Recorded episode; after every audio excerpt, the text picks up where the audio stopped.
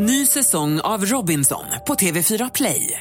Hetta, storm, hunger. Det har hela tiden varit en kamp. Nu är det blod och tårar. Fan händer just nu. Det. är Detta är inte okej. Robinson 2024, nu fucking kör vi! Streama söndag på TV4 Play. Men jag har också krävt Dan Eliassons avgång. Det var kanske lite väl eh, frispråkigt. Från Han media. gick ju sen så småningom. Han gick ju. Kanske var du. Nej, det var inte jag, men han skulle gå. Jag skulle ha frågat dig om du har tittat på Tunna blå linjen. Har du gjort det? Det känns som att eh, de kunde ha läst din bok. Det känns som om de har kopierat den. En anledning varför jag har skrivit boken det är att det är en så stor diskrepans mellan hur vår polis vardag är jämfört med vad allmänheten tror och tycker och tänker om oss polisen. Och att vi frångår den här svartvita bilden från en polis som är en rasist och förtryckare.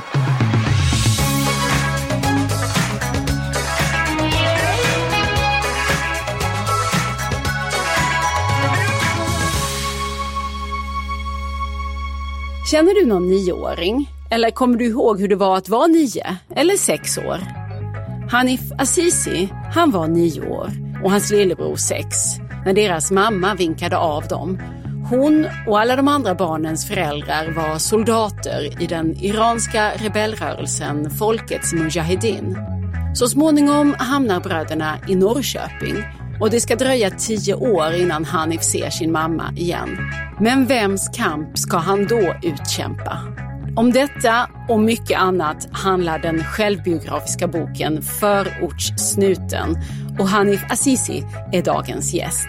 På det en skimrande pärla från 90-talet. Anna-Karin Palms debutroman Faunen ges ut på nytt och litteraturkritiken Anina Rabe har inte bara läst utan också skrivit förord till nyutgåvan. Hon kommer också hit idag. Så det är ett fullmatat Pocketpodden avsnitt 94. Jag heter Lisa Tallroth.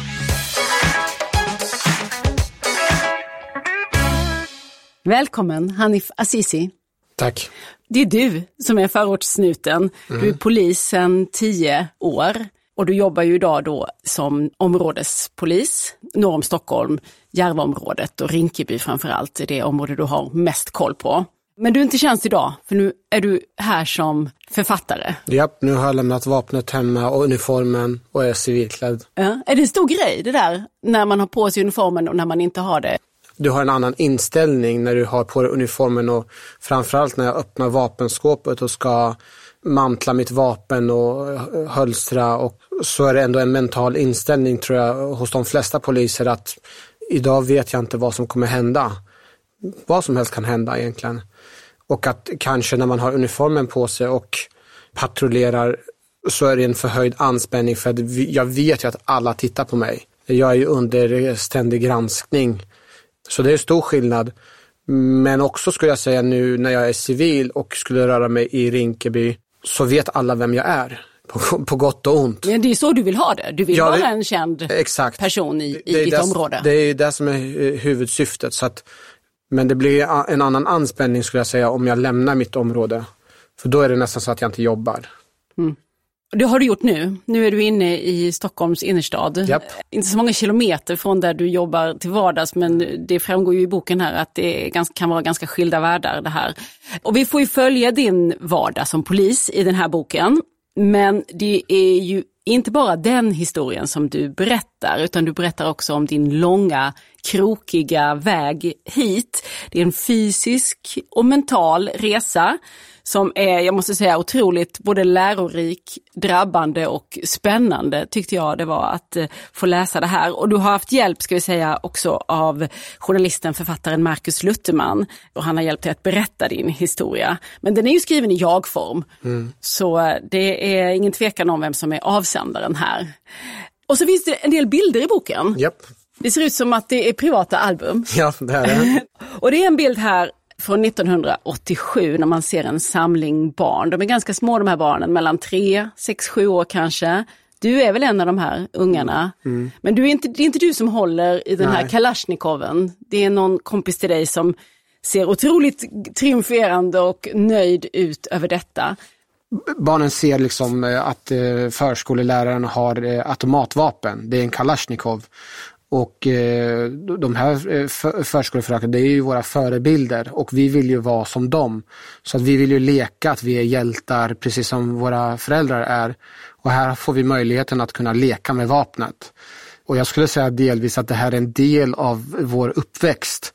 Inte att man får leka med vapen, men att vi är ju omgivnen i den miljön där vapen och ammunition och kamp ingår.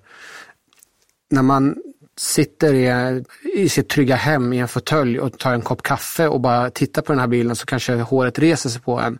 Men för oss så var det inget märkvärdigt. Det var vår uppväxt, det var helt naturligt. Och det var lite spännande och roligt dessutom. Ja, och det här är på ett militärläger i mm. Irak och eh, man måste ju fatta sammanhanget här. För dina föräldrar var en del av motståndsrörelsen Folkets Mujahedin. Den här startade ju till en början i Iran på 60-talet i opposition mot shahen som styrde stenhårt då.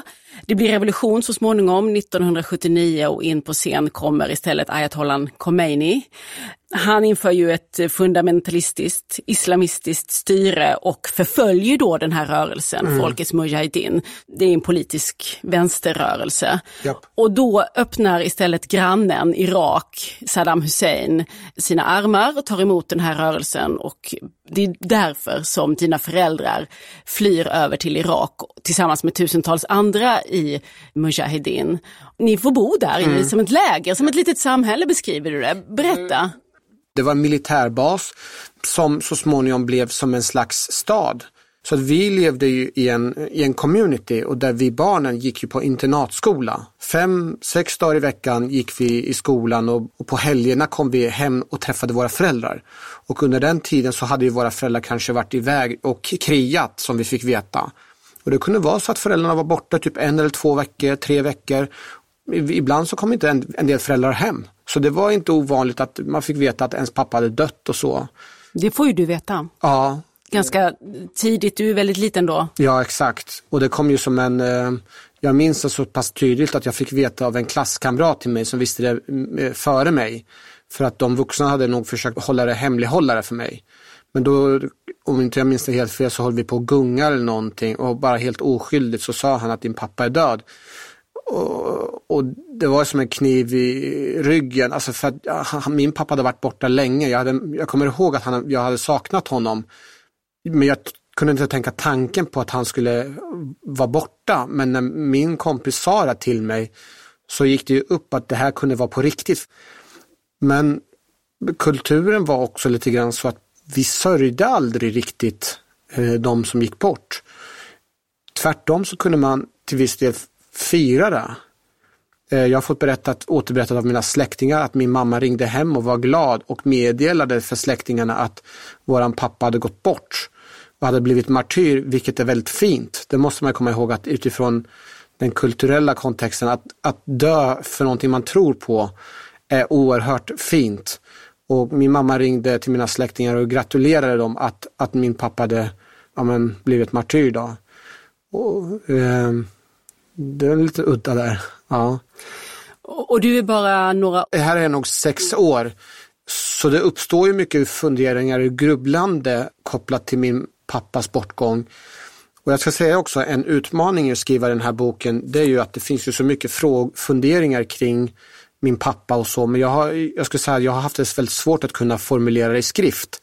Hur kan man beskriva någonting som man aldrig haft? Hur kan man förklara en saknad? Hur kan man förklara någonting som är självklart för alla andra som jag aldrig haft? Och det är ju dels eh, en pappa, men också morföräldrar. Det, det är en stor saknad som jag eh, så småningom nu när jag jobbar som polis också märker hur stor påverkan det har på unga personer eh, när man har avsaknad av en fadersroll. Och hur egentligen jag delar en, någonting gemensamt med väldigt, väldigt många unga killar som hamnar i, i, i kriminalitet i våra förorter. Du saknar familj och släkt kanske framför allt, men däremot så lever ni i det här lägret väldigt eh, kollektivistiskt ja. verkar det som. Så att det är ändå en otroligt stark sammanhållning din mamma finns kvar och det är en farbror som träder in lite ja. grann i din pappas ställe. Ja. Det här skriver du om. Men sen så när du hinner bli nio år, vad är det för år då? Eh, nu är vi på 90, 91. Då eh, utan egentlig förvarning, i alla fall för ett barn, så, så sätts du och din lillebror och en massa andra barn på en Mm. buss. Ska skickas ut ur Irak eftersom det första Irakkriget har dragit igång och det är både för, kanske för farligt för er att vara där och verkar det ju också som, men det finns ju en En pl- plan för oss, ja. det finns en plan för er, men jag tänker också att det finns en väldigt stark eh, idé om att eh, alla föräldrarna här, alla soldaterna måste koncentrera sig på Ja, kampen. exakt. Man har inte tid att vara förälder samtidigt. Exakt. Och till slut hamnar du och din lillebror i Norrköping Mm. hos en persisk, ett persiskt par som Mm. inte har några barn, eller ett iranskt par ska jag säga. Dina första år här i Sverige, när du tänker tillbaka på det här nu, vad är det som flyter upp för dig? Jag har alltid haft en föreställning kring att det absolut värsta med min uppväxt har varit att förlora min pappa och skiljas från min mamma och komma till ett helt främmande land. Men eh, delvis i boken men sedan tidigare när jag gått i terapi så har det framstått att nej, men, största problemen har egentligen varit i den familjen eh, I Sverige? i Sverige. För där, från att ha ändå växt upp i en väldigt trygg och omgiven av människor så kommer jag till en helt ny eh, ställe där eh, tryggheten och skyddsnätet och allting försvinner. Och helt plötsligt så kastas jag ut och får ta ansvar för mig själv och min lillebror. Och där det finns ingen som backar upp mig. Det finns ingen som kan ta emot mig med mina tankar, och funderingar, mina känslor. Det finns ingen som tröstar en. Det finns ingen som kommer säga att saker och ting kommer lösa sig. De här små, små orden, eh, stärkande orden som gör underverk för, för många, det har inte jag haft. Och det har satt sina spår. Och under den tiden, det var två år som jag bodde hos den här persiska familjen. Och när jag återberättar väldigt mycket om hur jag hade den på den här eh, familjen så reagerar oftast många på att jag blev eh, slagen. Vi fick mycket stryk. Inte så att vi gjorde, hade fysiskt ont eller att jag fick blåmärken så, men det var en del av uppfostringsmetoden. Det är någonting som man reagerar på, men det psykiska misshandel, att inte kunna känna en trygghet och kunna känna sig liksom övergiven och hotet att bli överlämnad, det är nog det mest jobbiga. Utan din trygghet baserar sig på att du måste sköta dig som barn. Och du måste göra ditt bästa för att om inte du sköter det så kommer du bli övergiven eller överlämnad eh, till, vem vet, en, en främmande familj, någon som pratar ett främmande språk som svenska. Och ska man fatta det som att eh, det finns liksom hela tiden en tanke om att man så fort som möjligt ska man vända tillbaka till, till Iran då? Är det, ju dit, det är ju det som är målet. Så därför är det ingen som, det är ingen som slår ner några pålar här i Sverige Japp, och bestämmer eh. sig för att satsa på det svenska livet. Exakt. Från Mujahedins sida var ju också det här bara en tillfällighet. Visst, De ska växa upp i den här familjen som har kopplingar till Iran och sen så ska det lösa sig.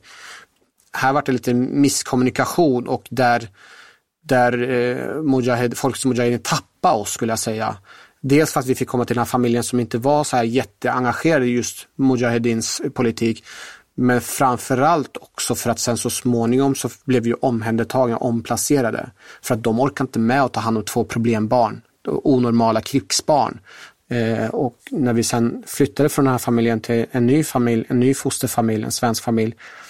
Där tappar ju Folkets Mujahedin kontrollen över oss helt och hållet.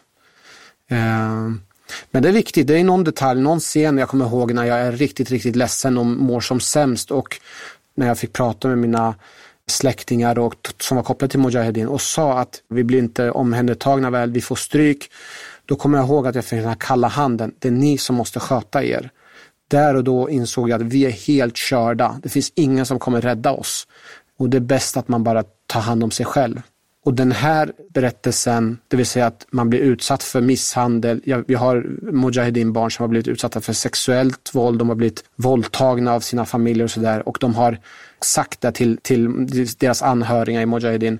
Men där de har hela tiden fått kalla handen och sagt att ni får klara er bäst själva.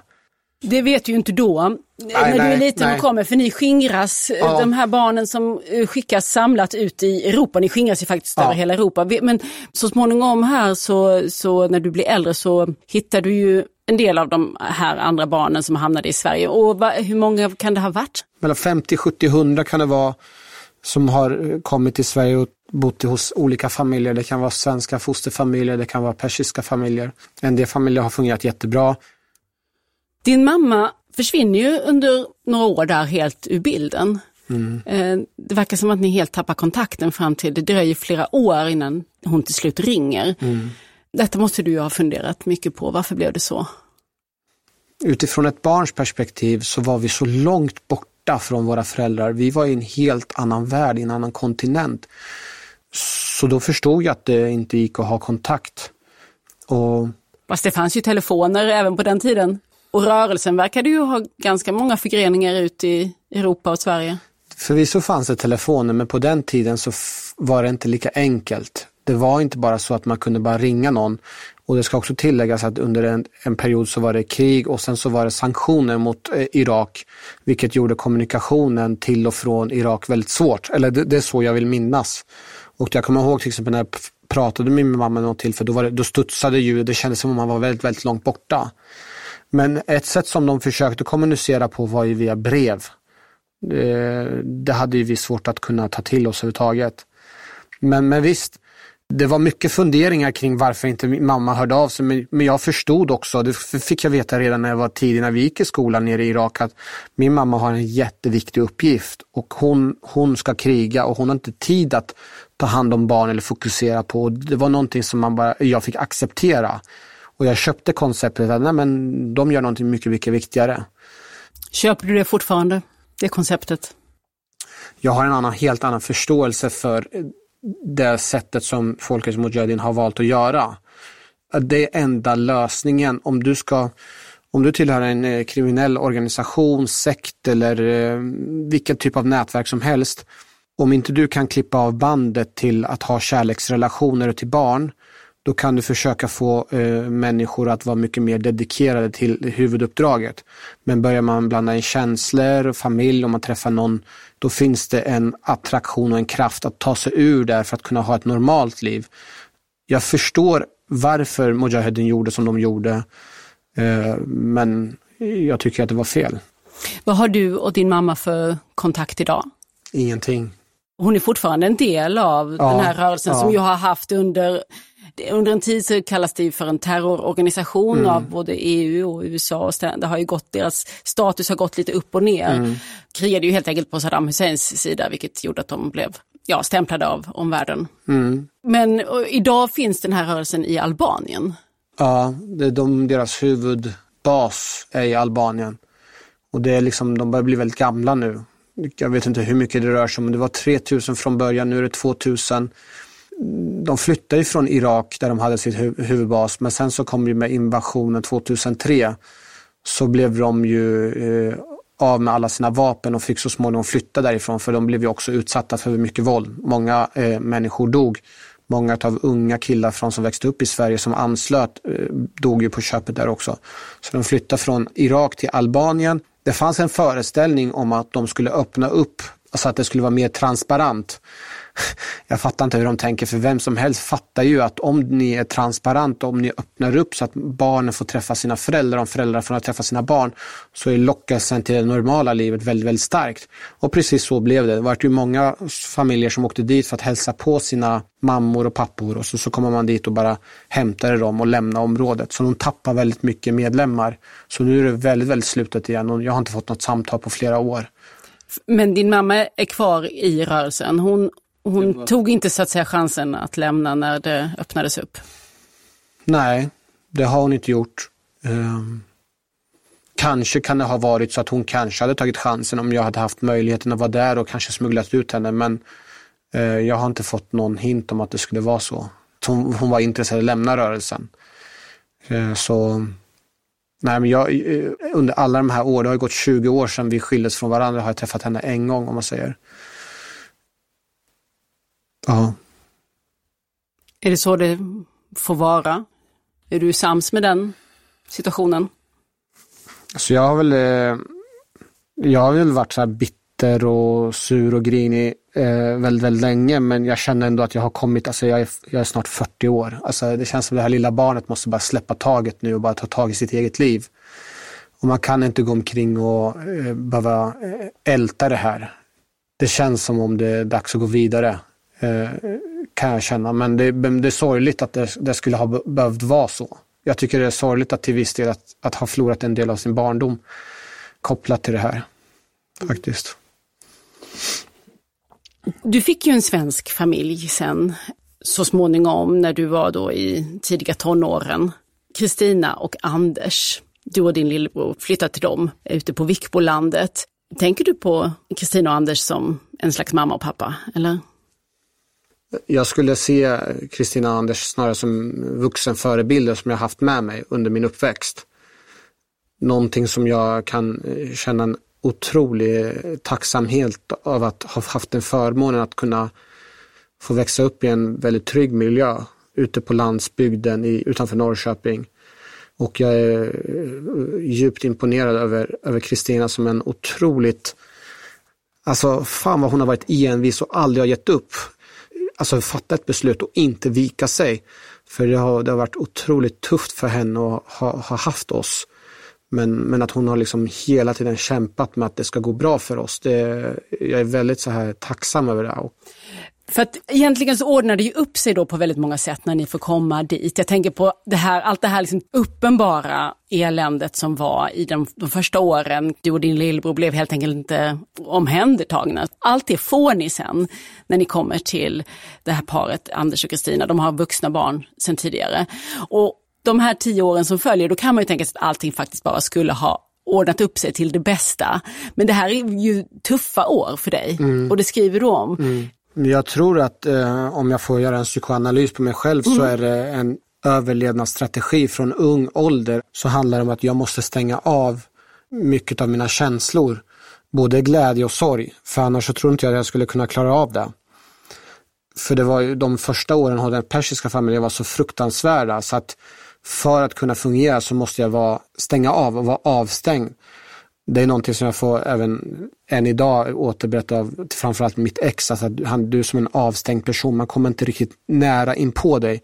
Det har varit en copingstrategi för att kunna överleva. Så när vi kommer till en familj där även det finns alla förutsättningar så är jag sluten in i mig själv för jag vågar nog inte öppna upp eller släppa på kontrollen jag fungerar funktionellt och det kan framstå som att jag har det bra men jag har ju fem miljarder tusen tankar i mitt huvud som inte jag får jag får inte jobba med det, jag får, jag, jag får inte ut mina tankar och känslor. All, all sorg som finns där, de finns kvar där. Jag går med en alternativ bild av mig själv där jag har en väldigt låg självkänsla, går omkring och tänker massor med negativa tankar om mig själv kring vem jag är.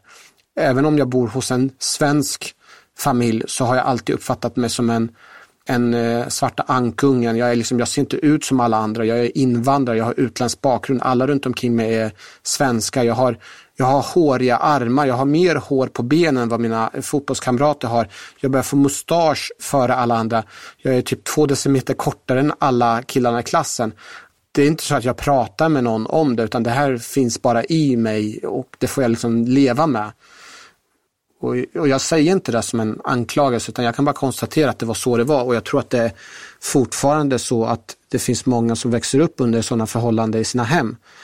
Jag tror det här är väldigt vanligt också när man har en flyktingbakgrund eller ensamkommande. Det finns en föreställning kring att, att man har det så jävla dåligt och att alla andra har det så bra. Men det visar sig ju mer man pratar det finns ju väldigt många människor som går omkring och bär på en sorg för att de har aldrig kunnat få sätta ord på det. Man har inte pratat om det i sin familj. Och det hade jag önskat att det hade funnits för mig. Och det hade jag önskat att det finns för andra barn.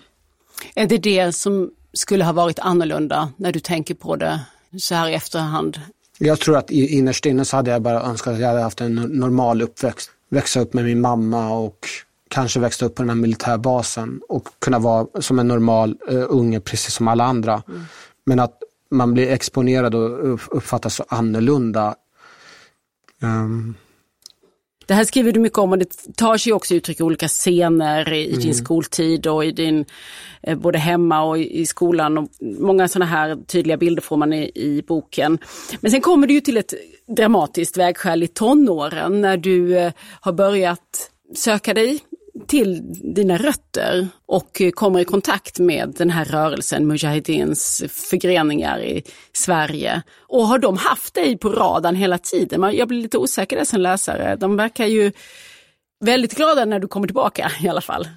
De har ju försökt en massa gånger att ha kontakt med oss. Men eh, det är ju Kristina Anders som har verkligen skyddat oss från dem. Jag tror att den starkaste oron som har gnagt henne är nog att någon ska ta oss ifrån henne. Framförallt oron kring vilka dörrar som skulle öppna sig om vi kom i kontakt med Folkets Mujahedin. Mm. Och det var ju befogad oro ja. kan man säga. För de, du blir ju mer och mer attraherad av det här och ju äldre du blir är det också svårt för Kristina, för din svenska förälder, att uh, hålla dig kvar på Vikbolandet. Och det, det, går ju så långt som att du, du hamnar i Paris hos den här rörelsen och börjar planera en eh, resa tillbaka till Irak och du är också där på ett besök och du får träffa din mamma igen. Minns du hur dina tankar gick de här åren när du står där och vacklar mellan en svensk framtid eller en framtid inom den här rörelsen? Jag minns framförallt när jag hade tagit studenten och man skulle ta tag i sitt liv och ta, liksom, finna sin väg. Liksom, det var som en matta det rycks undan och jag, jag hamnade liksom i jag hamnade i en personlig kris. Så det, under en, en period i mitt liv mådde jag jätte, jätte dåligt. Jag vaknade på morgonen och liksom, liksom ville bara sova, sova om igen för jag hade ångest. Men när jag kom i kontakt med den här rörelsen, jag kommer ihåg, ihåg så väl när jag vaknar i Paris, jag sover på en så här våningssäng och jag sover egentligen baracker. Alltså det är så, det är så spartanskt och skitigt. Alltså det, det är ingen värdigt sätt att bo på. Men jag är så lycklig. Jag är så lycklig och jag känner med en gång en enorm glädje över att, att jag har hamnat i rätt. Alltså allting på något sätt stämmer. Jag är omgiven med människor som förstår sig på mig. Jag behöver inte berätta någonting för dem. Jag behöver inte förklara någonting för dem. De vet vad jag känner, för de har gått igenom samma process. De kan berätta så mycket mer om mig själv som gör att jag kan sätta ihop pusselbitar och få saker och ting att bli, få det till ett sammanhang. Där och då när jag vaknar så är jag väldigt, väldigt medveten om vad Mujahedin egentligen innerst inne vill göra och kommer vilja få mig att rekryteras att åka till Irak för att strida. Jag var fullt medveten om det, men jag lät det ändå ske för att jag tyckte att det var så mycket bättre. Alternativet hade varit misär i Sverige. Och det här är ju också under den tiden när rörelsen betraktas som en terrororganisation av eh, EU till exempel och av USA. Ja, det kom, det, jag vill minnas att det, det, var någonting jag hörde så här vid förbifarten att de har blivit terrorstämplade. Mm. Men jag vill också vilja minnas att jag då försökte jag hitta väldigt mycket information om Folkets Mujahedin och jag, jag kommer ihåg jag läste väldigt mycket om det. Det var väldigt bristfälligt. Och inom rörelsen så hade de sina svar på varför de var terrorstämplade. Det handlar om eftergifter där Iran har fått, fått igenom att Mujahedin ska vara terrorstämplade för att kunna få förmån. Det var sådana förklaring mm. som jag fick. Men vad är det som får dig att avstå? Du ansluter dig inte i slutändan? Jag, jag vill tro att jag var en eh, vilsen själ där det är många pusselbitar som fattades men längs den här resan i rörelsen så blir det lite grann att jag återerövar en del av min bakgrund. Jag får tillbaka persiska språket, jag får träffa min mamma igen och jag får även besöka min pappas grav. Helt plötsligt så börjar liksom pusselbitar falla på plats och jag får ta del av deras värld. Det har ju funnits så mycket saknad inom mig som täpps igen. Och den här ångesten och personkrisen som jag hade, den har mer eller mindre släppt och jag börjar känna mig lite grann mer tillfreds med mig själv. Och jag ställs inför ett, ett viktigt beslut att antingen ansluta till Folkets Mujahedin och det, det, liksom, det är ett beslut som inte du kan ta tillbaka. Tvungen att säga upp, säga upp mitt permanenta uppehållstillstånd och jag gjorde av med alla mina grejer. Men ju, ju, mer tiden gick och ju närmare det här beslutet var jag så kände jag mig mer osäker på själva kampen att ansluta till Folkets Mujahedin. Och jag, det jag valde att fastna på det var att vad är det för ideologi? Vad är det för kamp de egentligen vill genomföra? Vad är det de vill? Det hade jag ingen aning om. Mer än att de skulle befria folket i Iran. Annars så var det ju, jag skit fullständigt i kampen. Jag var ju bara där för gemenskapen. Eh, min mamma, familj, släktingar, allting var ju så jävla bra. Skitsamma vad de krigar för, tänkte jag först. Men eh, det känns som om vi hamnar i en situation där de inte kunde riktigt ge svar på den frågan. Utan de ville inte liksom ge svar på den frågan. Och ju längre tiden gick, eh, desto mer så började det uppstå frågetecken. Hur ser de på frågor kring jämställdhet? Har delar de samma världsbild som mig? Och det visar sig att vi, vi har ju vitt skilda åsikter. Och framförallt handlar det om identiteten kring vem man är. Och det börjar gå upp för mig att även fast jag aldrig har känt mig som en del av samhället i Sverige så har jag en väldigt stark svensk identitet. Jag har liksom kopplingar till svenska kulturen, språken, uppväxten, familjer, vänner. Varför skulle jag vilja viga mitt liv till att kriga till någonting som jag inte identifierar mig med? Jag identifierar mig mer med svenskarna och, och svenska samhället. Fast att då att det fanns så mycket motstånd, fast att jag inte kunde få ett jobb, fast att jag kunde anses vara ett svartskalle, så kom jag fram till ett beslut att jag ska inte låta yttre omständigheter påverka mitt vägval, utan jag måste ta tag i mitt eget liv. Ja, snacka om en inre strid som du utkämpar här och det skildras eh, i boken. Och också hur detta, just detta här, det här vacklandet som du har då i, när du är i 20-årsåldern, det blir ju sen din stora hemlighet. Mm som du inte vill berätta för någon om. Just där och då talas det inte så mycket om, om radikalisering. IS har ännu inte blivit något som alla känner till som rekryterar ungdomar. Men så småningom kommer du igång med din karriär som polis. Du är utbildad till polis och du jobbar som polis. Och under alla de här åren så är ju detta någonting du inte vill ska komma ut. Nu har du skrivit en bok om det och nu berättar du om det ändå så här. För det blev ju ett ganska stort hallå när du första gången berättade om din bakgrund? Mm, jag tror det kom, det slog ner som ett bomb. Och jag tror än idag det är svårt. Jag märker liksom hur det ängsligt det är, framförallt inom, inom polisen och kåren, att det här är någonting som, uh, är, jag kan tänka mig att det är många som ryser för de, de har ingen erfarenhet, de har ingen, det här är så långt ifrån mångas vardag så att de har så svårt att kunna sätta sig in i det här och då är det bäst, det, bäst att hålla det här främmande elementet borta. Eh, Sen är det också viktigt att komma ihåg att det är många som bär på hemligheter på alla ställen och jag vill tro att speciellt kanske inom polisen så finns det många som bär på så mycket hemligheter.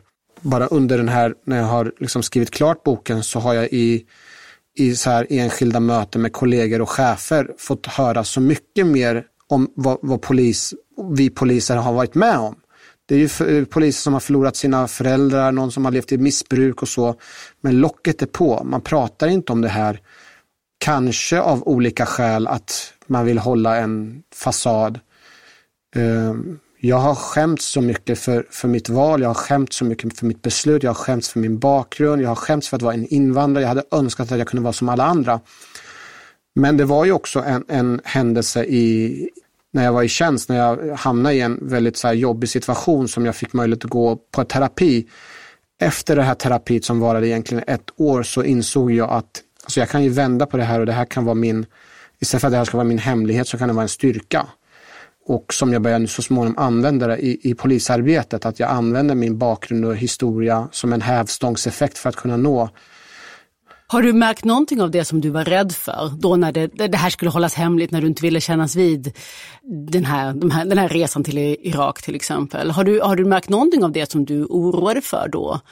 Reaktioner hos andra poliser? Generellt sett så tror jag det som är jobbigt och obekvämt och det man inte tycker om är någonting som vi oftast inte pratar om. Det är ju få personer som kommer fram och säger så här, ja Hanif jag har läst om det här om det och jag är genuint orolig jag vill veta mer. Det händer inte, utan då är det locket på. Så jag har inte fått några reaktioner, men jag kan ibland uppfatta att det är liksom snarare liksom, jag har släppt en bok, det är ju eh, väldigt mycket tyst från myndighetens sida. Det är ingenting som man lyfter fram på något sätt för att det här är, det är nog ängsligt och jobbigt och man vet inte riktigt vad det här kan resultera i. Men ändå får jag, måste jag säga att jag får ändå stöd från min närmsta chef och även lokalpolischefen för att det var ju mer än en gång när jag läste boken som jag tänkte, får man verkligen vara så här frispråkig när man är polis? Nu tänker jag inte på din barndomsberättelse utan det här som du skriver och skildrar om din vardag idag. Vad du är frustrerad över, som du inte tycker fungerar, både inom myndigheten men också i samhället. Jag trodde att det inte var särskilt välkommet med en polis som, som säger vad han tycker och tänker. Hur är det med det? Om du ska kritisera problematiken i förorten så får du säga det om du har en annan bakgrund. Det är inte lika självklart att du kunde vara lika frispråkig om du var svensk. Vilket är jävligt märkligt. Det är märkligt att ens bakgrund ska spela någon roll. Och här tror jag att det är ju ett, det här är ett spel som jag är med och spelar. Jag är medveten om att medien nyttjar mig och nyttjar mig för att jag har en annan bakgrund och då har, jag, då har de chansen att kunna basunera ut det budskapet eftersom jag har utländsk bakgrund. Och jag spelar på den rollen. Och Vad är det för roll du spelar? Den här frispråkiga polisen som kan nyttja, min, nyttja situationen och prata så frispråkigt. För jag vet att inte alla kan vara frispråkiga. Jag vet att det finns många som tycker som mig men vågar inte säga som det är för att de kan bli anklagade för diverse olika grejer. Men jag kan göra det utifrån att jag har en annan bakgrund, jag har invandrarbakgrund. För jag är ju precis som dem och jag förstår mig på dem. Och då kan jag som är en av dem få säga det. Hänger du med i resonemanget? Mm. Ja, men jag funderar på om vi ska ge något exempel på vad det är du säger. För att du är ju... Ja, men till exempel om jag säger att det finns en grov kriminalitet i området.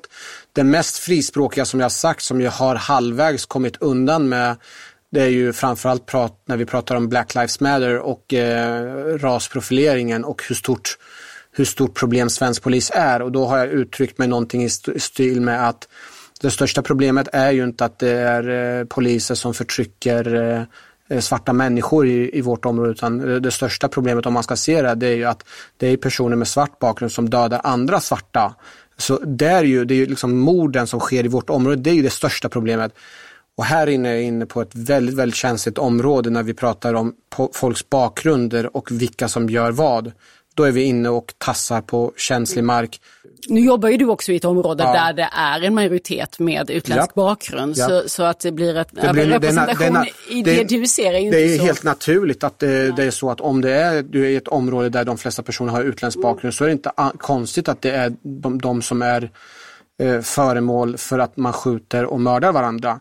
Men jag menar på att låt oss vara tydliga och prata klarspråk så slipper, vi, eh, slipper det ske missförstånd. Men då finns det en föreställning att jag generaliserar en hel grupp. Och det tänker jag att vi måste väl ändå vara så pass smarta att kunna förstå att bara för att man har en viss bakgrund så innebär det inte att alla inom den här gruppen håller på. Det är bara specifika personer. Mm. Är du den stökigaste polisen i klassen? Nej, det är definitivt inte. Snarare skulle jag säga att jag tillhör den polisen i, i vår verksamhet som jobbar väldigt mycket med mjuka frågor. Mm. Jag jobbar ju mycket med förebyggande. Jag lägger ju all min tid åt relationsskapande, någonting som jag uppfattar att det är inte det populäraste och kan, kan då bli hånad och häcklad för fikapolis. Jag tänker kritiker. Av... Ja, men utåt sett så har jag inga problem för jag har ju valt den vägen där jag, kan, där jag ska säga vad jag tycker och tänker för jag aspirerar inte på att komma någon vart inom polisorganisationen. Jag... Är det det det kostar, tänker du? Eller vad betalar du för den här frispråkigheten? Det kanske inte är det självklara valet när alla vet vem jag är nu. Att, att alla kanske har en bestämd uppfattning kring hur, vem den här Hanif Aziz egentligen är. Och då, då kanske det, man inte gynnas i alla situationer och att det kan bli ängsligt i vissa sammanhang. Du skriver i boken här eh, från hösten 2015, eh, det är olika nedslag under dina tio år som polis och då skriver du om hur våldet har skruvats upp i Rinkeby specifikt dit du återvänder som områdespolis efter att ha gjort lite andra saker ett tag.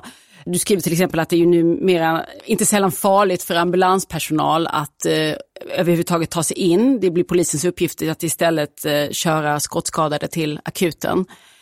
Och så skriver du så här att den här ökade hotbilden den gör något med oss som poliser och som människor. Synsättet blir snävare. Mm.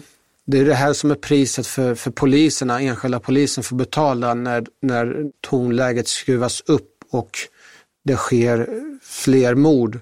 Det pressar ju oss poliser på ett, vad ska man säga, känslomässig basis, att man blir liksom avtrubbad. Jag kommer ihåg vid något tillfälle när jag själv blev lite mörkrädd för, mig, för mitt eget tänkande när jag fick ett jobb om att vi skulle åka, det har skett ett mord. Och vi skulle åka till det där mordet och jag märkte att jag inte ens hade en puls. För när, när jag började jobba som polis då, då gick ju pulsen upp så fort det var någonting som var jakt, det var någonting som var brådskande, det var någonting som var allvarligt. Men nu hade det skett ett mord och jag tog det som en, som, att det blev som en vardag för mig. Då reagerade jag på att det här är inte normalt. Och plus att vi ständigt möter eh, samhällets baksida av människor som oftast i vårt område är väldigt, väldigt kritiska och känner ett väldigt starkt hat så, så börjar man själv skapa ett eh, eget hat mot de här personerna som förpestar samhället. Det var så jag tänkte och kände och så skriver jag även i boken vad jag önskar att jag hade kunnat göra med de här personerna. Det är inga snälla tankar. Så det är, är en form av eh, vanmakt och att man blir frustrerad, blivit utsatt för olika typer av händelser gjorde att min blick hårdnade mer och mer och att jag var mer, en mer cynisk polis. Blir du en sämre polis? Definitivt. Om man känner en bitterhet, hat i, i sitt arbete och med de som man möter så blir det knappast en bättre service för de som, som vi möter. För någonstans i det hela ska man väl ändå, tycker jag ändå att man ska ändå komma ihåg, även fast det är mänskligt så så ska ju alla människor få lika bra service oberoende på vart man är och hur man bemöter polisen. Så tycker jag att vi måste kunna vara så pass professionella och kunna bemöta eh, våra medborgare väl. Medan jag märkte själv att jag började liksom vara väldigt liksom ful mot de som var fula mot mig. Inte hota gjorde jag inte, men jag kunde förolämpa dem. Och jag tror att både jag och de där förstod att där går ju gränsen kring för vad som är acceptabelt att bete sig. Men det är min övertygelse om att jag inte är den enda utan jag vet också att andra poliser skulle gärna vilja hämnas på de som har gjort saker och ting. Folk som har kastat sten på dem vill de gärna ge igen och liksom ja, vara extra tuffa mot. Du skriver ju eh, här om under de här tio åren, det går upp och ner för dig. Tvivel och frustration och, och ibland älskar du ditt arbete och tycker att du äntligen kan få göra nytta. Hur känns det idag? Det är så svårt att beskriva hur, hur, hur det är. Men... men känner du hopp eller förtvivlan? När det gäller den grova brottsligheten i vårt område så är det väldigt många unga män som har blivit mördade på senaste tiden. Jag tror det är 20, 20 mord där unga män har mördats, där mammor har förlorat sina söner. Det vore väl osmakligt av mig att säga att jag känner hoppfull inför framtiden. Jag tror snarare tvärtom att det här är en det, det verkar gå i samma riktning när det gäller morden och mordförsöken. Och jag ser inte, från min horisont där jag jobbar, så ser inte jag riktigt ljuset i tunneln när det gäller kopplat till den grova brottsligheten. Men vad är det som får dig att ta på dig uniformen och gå ut på gatorna? Alltså det går inte att ge upp liksom. Det vore ju konstigt, det vore märkligt. Alltså jag måste gå till jobbet, vi måste jobba och vi måste försöka göra det bästa av situationen. Jo, men du pratar om det här att du, liksom, om du fastnar i ett läge när du bara tycker att läget är hopplöst, att eh, du bara känner ilska och... Eh, Då får jag fokusera på någonting eh, som jag kan påverka och förändra. Och det är det jag gör idag. Jag jobbar mycket med väldigt unga personer som är pojkar, jag jobbar med deras familjer och föräldrar. Och där jag märker att i, i nära samarbete med föräldrarna, med rektor, och lärare, där kan ju vi göra skillnad. Så att ibland så får man inte drunkna i, det, i hela bilden utan man måste bara se på sin lilla del vad man kan själv påverka. För om jag kan påverka det lilla jag kan så kanske mina kollegor kan titta på andra delar och tillsammans så kanske vi kan, inte bara inom polisen men tillsammans med alla som vi jobbar, försöka ändra det. Men, men vi måste vara också ärliga att vi gör, eller jag gör mitt bästa från, från mitt håll och de andra poliserna försöker göra sitt bästa men sen är det också mycket grejer som inte är kopplade till polisens roll. Det kan vara lagstiftningen, det kan vara fattigdomen, det kan vara olika förutsättningar som, som man växer upp i. Och jag tror det viktigaste är att kunna vara ödmjuk inför sin egen roll och sin betydelse. Alltså jag kan vara med och påverka men jag har inte så stor roll i, i mitt arbete som polis. Snarare kanske i rollen som att skriva en bok eller ut och föreläsa. Då kan man påverka en lite större massa om att kunna känna hopp och tilltro på framtiden. Då kanske man kan göra det, men i polisrollen ser jag det som att man får jobba utifrån sin lilla horisont. Eller så gör jag i varje fall. Är det här som är din kamp? Är det här du ska vara? Eller är du på väg någon annanstans? Nej, men, eh, min, min absolut största kamp är ju över. Jag har tagit strid för den och jag har vunnit den. Det är att jag har valt eh, att leva ett liv här i Sverige istället för att som många andra av mina barndomsvänner dö i strid. Men nu kan jag fortsätta på den vägen och få andra att välja att leva det livet istället för att välja ett alternativt liv i ett parallellsamhälle och välja kriminaliteten. Du skriver mycket om hur du går på nålar under många, många år av ditt liv. Den här känslan av att vara villkorligt här, hur är det idag? Det är väl en eh, normaltillstånd skulle jag säga, som jag försöker kanske till viss del idag göra uppror mot att köra ett eget race där man inte är korrekt och försöka finna sin plats och skapa sin plattform oberoende av olika typer av villkor. Ja. Den innehåller väldigt mycket den här boken. Det är svårt att sammanfatta för det finns en eh, uppväxtskildring, det finns en, eh, en väldigt komplicerad psykologisk resa också som du gör. Och sen så är det ju inte minst många vittnesmål från livet på gatan som polis idag i Sverige. Tusen tack Hanif Azizi för att du kom hit. Tack. Du lyssnar på Pocketpodden. Anna-Karin Palm blev väl världsberömd i hela Sverige när hon för ett par år sedan nu kom med den stora biografin över Selma Lagerlöf. Jag vill sätta världen i rörelse. Den har hon också varit i Pocketpodden och pratat om. Det avsnittet kan man fortfarande lyssna på. Och nu här i april är Anna-Karin Palm aktuell med en en ny bok som heter Jag skriver över ditt ansikte. Här skriver hon om sin egen mamma och hennes gradvisa försvinnande in i Alzheimers sjukdom. Så Anna-Karin Palm är i allra högsta grad aktuell i vår, men också för att hennes debutroman nu ges ut på nytt. 1991 kom romanen Faunen och i den här utgåvan, Faunen, så har Anina Rabe fått skriva förordet. Välkommen till Pocketpodden. Tack! Du är litteraturkritiker, man hör dig i Sveriges Radio, man kan läsa dig i Expressen. Mm. Och nu är du här hos oss för att prata om det här uppdraget du fick att fördjupa dig i faunen. Och du skriver det i förordet att det här var faktiskt en ovanlig debut. Jag vet inte om du tänkte på det redan då, men nu så här i efterhand i alla fall, kan du se det och förklara? Den eh, betraktades nog som en ovanlig debut redan då när den kom. Anna-Karin Palm var ju, hon, hon är ju väldigt inspirerad av klassisk, kanske framförallt brittisk litteratur. Och eh, det är mycket med brittiska tesalonger och, och sådana saker och det var ju inte så vanligt bland debutanterna på den tiden.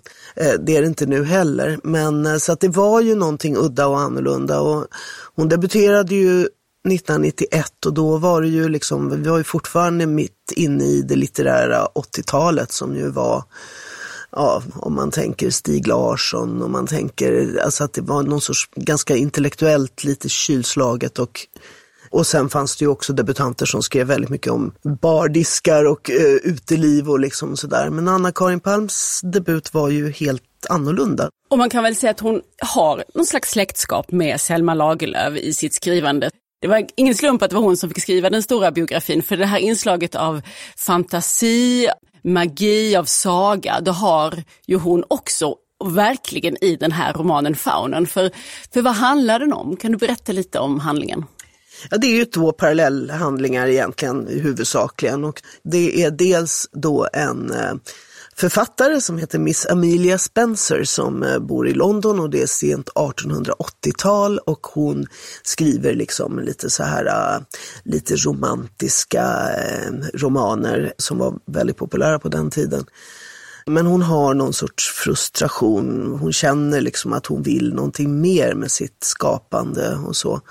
Och sen plötsligt en dag så står en faun i hennes arbetsrum Livslevande faun. Livslevande faun, ja. Och han är ju, för den som inte riktigt vet hur en faun ser ut, så är ju det som en sorts liten, en liten djävul, en liten satyr, med, gärna med spetsiga öron, lite så här krulligt hår, eh, bockfötter istället för vanliga fötter.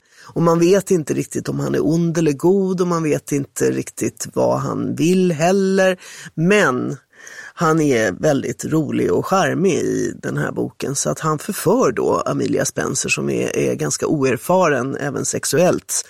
Men framförallt så blir han någon sorts förlösare för hennes för ett annat författarskap som finns där inne. Han lär henne att liksom ta fram saker. Men sen när hon hittar den här förmågan, när hon liksom börjar hitta sin egen röst, då blir han sur för då han vill ändå vara den som bestämmer och sådär. Så att han blir en ganska missnöjd musa och hon måste till sist besegra honom. Det är ena handlingen. Den andra handlingen är en ung litteraturstudent som heter Anna som eh, befinner sig i London för att eh, skriva om Virginia Woolf och studera mer om henne. Och det känns också väldigt eh, symptomatiskt för Virginia Woolf är en författare som har inspirerat Anna-Karin Palm väldigt mycket. Och, så det, det, hon har också en underliggande, har Virginia Woolf en ganska viktig roll i boken. Och då är det 1980-tal, så det är Ja, då 100 är, år senare. exakt, det är precis hundra år senare. Och denna Anna befinner sig på ett museum och där ser hon en målning av en kvinna och en faun som sätter igång väldigt mycket i henne. Och den delen som handlar om Anna, den handlar också väldigt mycket om Rakel som är hennes bästa kompis.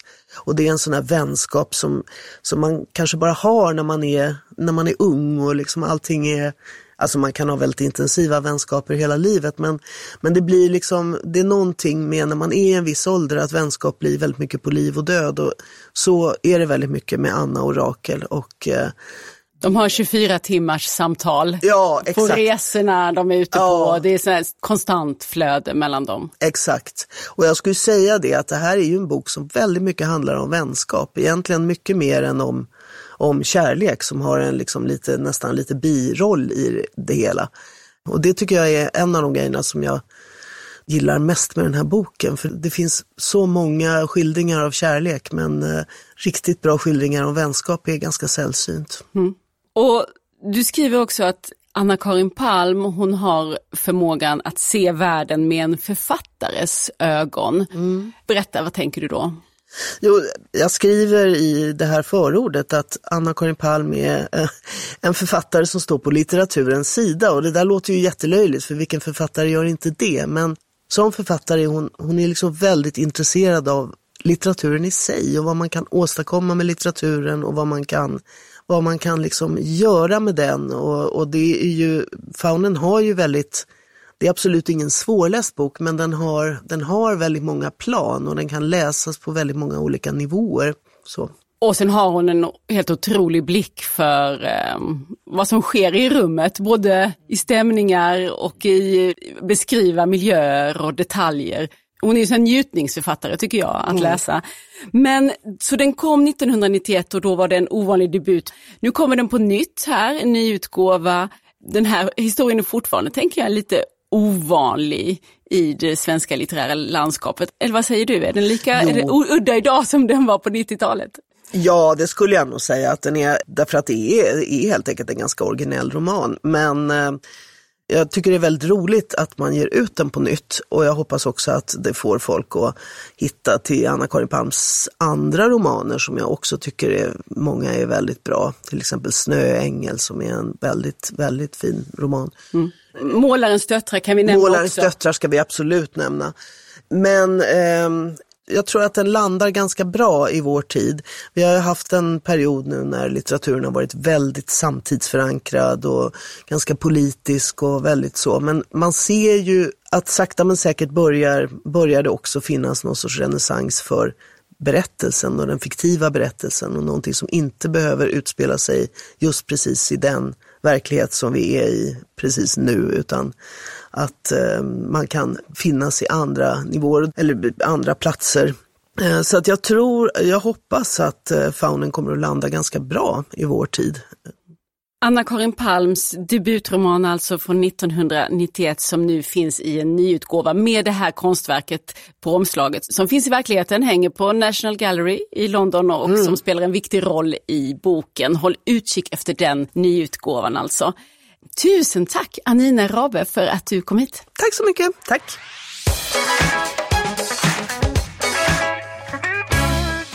Nästa vecka kommer Elin Ek hit till Pocketpodden. En gång i tiden var hon superstjärnan Grynet som aldrig tog någon skit och Elin gör fortfarande tv för barn och unga men hon är också författare till serien om Athena. En slags stora syster till Grynet skulle man kunna säga. Mer om detta nästa vecka här i Pocketpodden. Tills dess, följ oss gärna i sociala medier. Där heter vi Älska Pocket och jag heter Lisa Tallroth. Hej då! Du har lyssnat på Pocketpodden. En podd från Bonnierförlagen.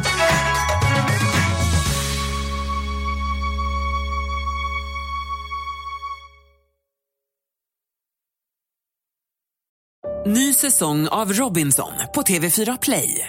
Hetta, storm, hunger. Det har hela tiden varit en kamp. Nu är det blod och tårar. Fan händer just nu. Det. är Detta är inte okej. Robinson 2024, nu fucking kör vi! Streama söndag på TV4 Play.